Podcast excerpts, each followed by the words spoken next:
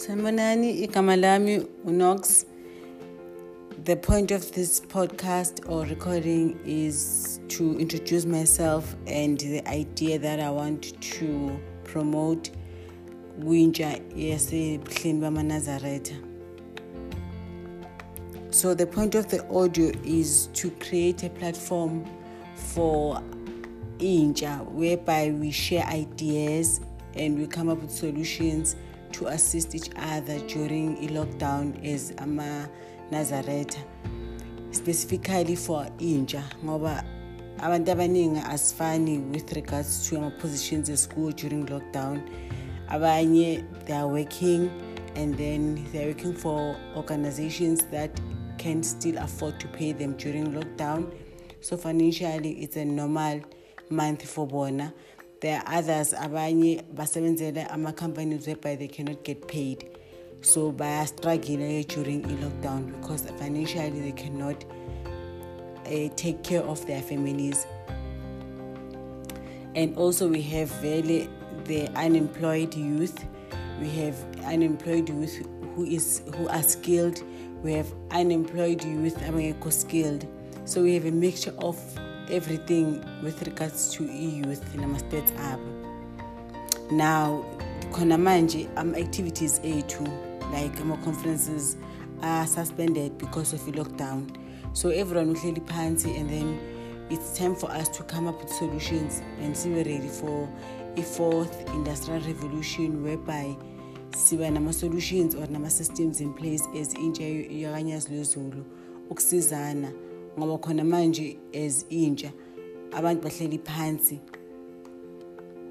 Bahleli phansi akusena activity ukuthi uhambe esifungweni akuna activity ukuthi uhambe kahle uye isabatheni akuna activity ukuthi u-attend or uparticipate kuma-conferences abakhona throughout the year. So now yino enye futhi ekhona besides lento lezo? Manje-ke na i know ukuthi we, we have people we have abantu individuals aba-prepared for this eh situation esikuyo abanama-solutions.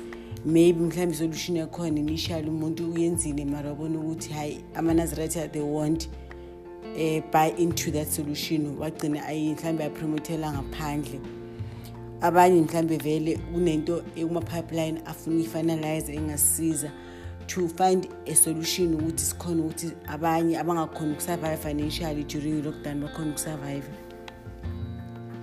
So now i-status quo sethu currently is that ukuthi we need to assist each other and come up with so, those solutions to prepare ourselves for i-future as eyonyazi lwezulu so i-way forward is for us to get ama-solutions or senze ama-brainstorming sessions remotely. Remotely it's sikhulume ngokuthi sikhuluma ngamafoni sikhuluma ngama-social platforms esinawo whether instagram facebook or i-whatsapp.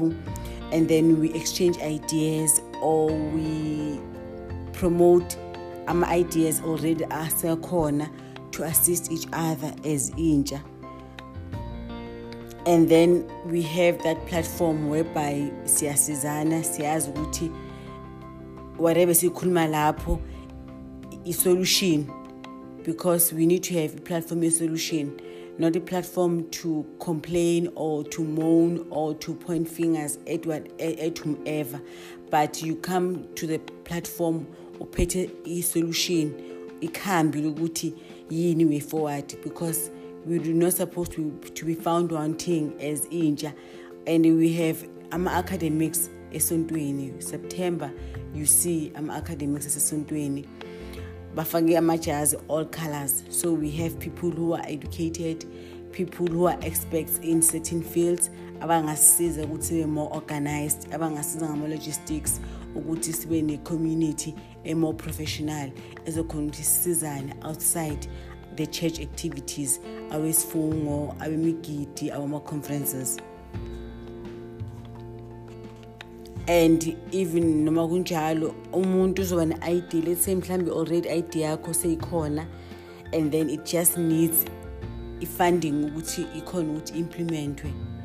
Then that is where we open isikhwama ese-go fund me and then lo muntu lo uzozivula and then sonke as intsha noma singanikela ama-five rand or ama-ten rand sonke given the number that we have yentsha esontweni.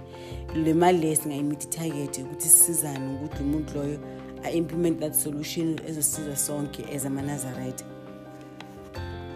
and then also we also need ukuthi ngoba i know ukuthi uma umuntu akhiphe i-10 rand or i-30 rand asimaliningi kangako.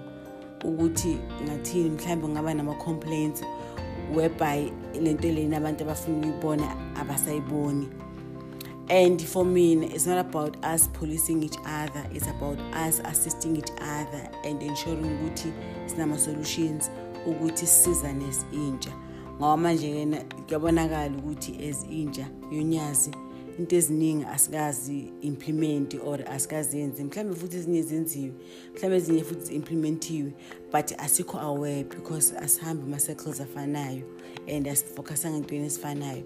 So lezi ezikhona eziyenziwe besicela ukuthi basi-invite kuzo sokhona ukuthi sisize and then si-add i-funding leyo or i-contribution leyo and market each other because now as i-community yonyazi siyadingana kakhulu as intsha because thina we understand our world better than abantu abangaphandle. And it's easier to sell anything enobunazareth angaphakathi internally more than outside. So it's time for us to really assist each other khona manje with contributions and supporting those ideas akhona or are-implementiwe or that are about to be implemented that would really assist thina amanazaretha kakhulukazi intsha kune-fourth industrial revolution whereby izinto zenziwa remotely because even ama-organizations amakhulu were not prepared for this lockdown. So now ikhona nje ikhona ikhathini esiningi kuna-this thing ukuthi you're working from home. Usebenza endlini you're not communicating or interacting na-anyone oba usendlini uvele nje uvule i-laptop ujoyine umhlangano remotely i-zoom or i-starleaf or i-skype. And then ke niyenze i-meeting leyo and then you are done. So ziningi into nathi sisifundayo kakhulu abantu abasebenza nama-organizations ukuthi kahle kahle sikho prepared as i-nation for ukusebenza emakhaya or nge-technology esinayo as i-south africa. So lento leyo affectanga nje eh abantu abangekho abantu abancane affecting nama organizations amakhulu ama organizations are well established and ama resources zonke that you can think of. So lento le is just a learning curve for thina as abantu base South Africa but kakhulukazi for intsha. Because mina i believe ukuthi i've also i've always believed in that ukuthi we need to have solutions systems in place as um, intsha. Yonyazi esikhona ukuthi sibe more organized i-administration yethu ibe proper.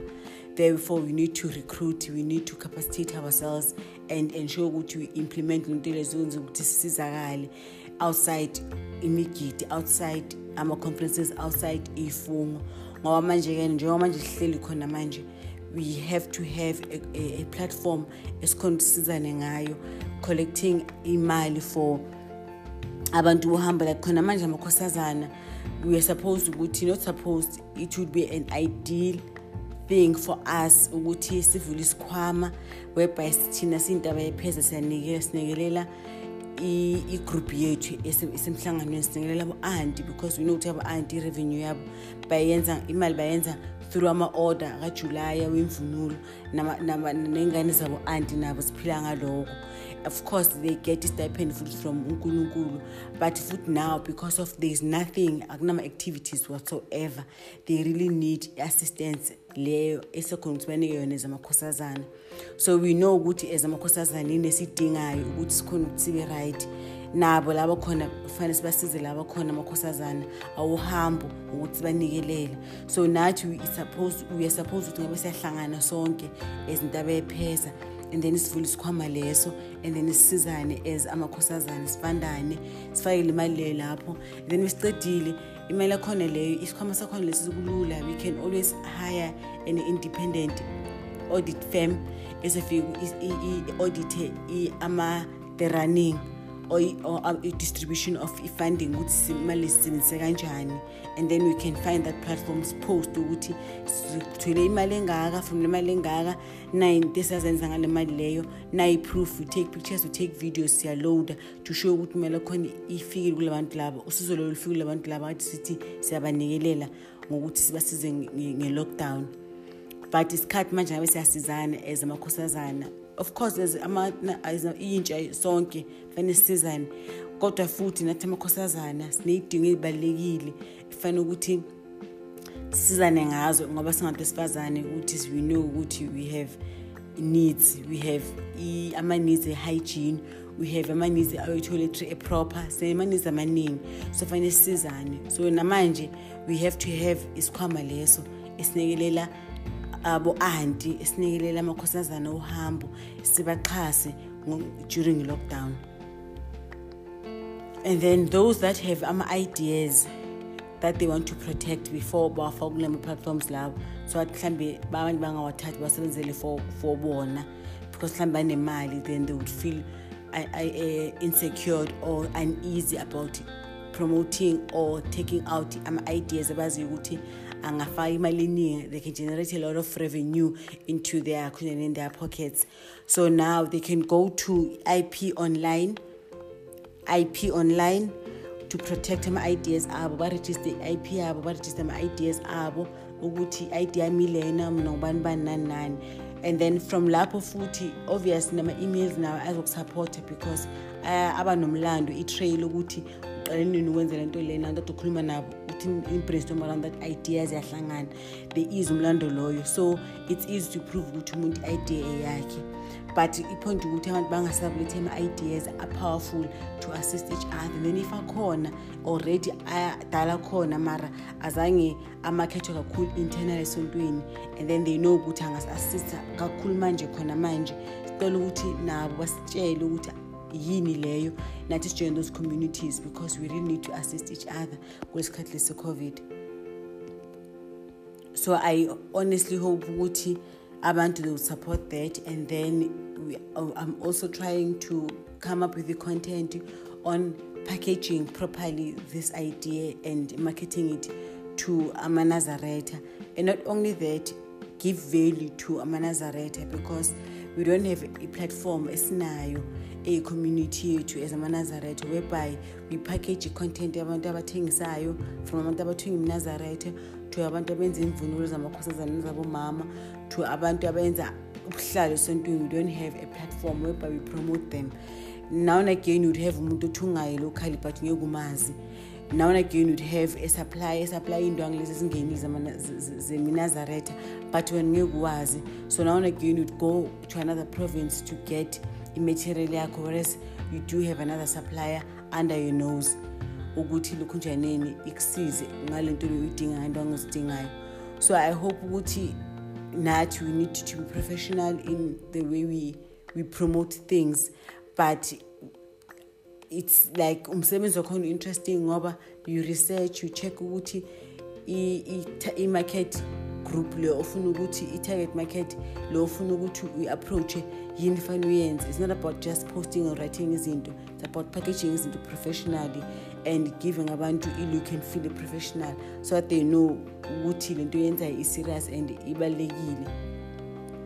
Therefore i hope ukuthi sizosizana and then abantu abakhona abanama those solutions already up and running even better. Basi-invite ku-those platforms esikhona ukuthi sijoyine then those abanama-ideas angasiza during this uh, lockdown nakhona basilethele ama-ideas abo bawa-protect and then bawalethe. And i know there are people ku-community yethu aba-well off abangakhona ukuthi basisize. Not only that even noma sifuna ukuya ngaphandle kwamanye ama-organizations and request funding we need to go and have proper we need to have proper proposals and content. Esekhona ukuthi besithi sicela imali kubonakala ukuthi we're not taking chances we are professional.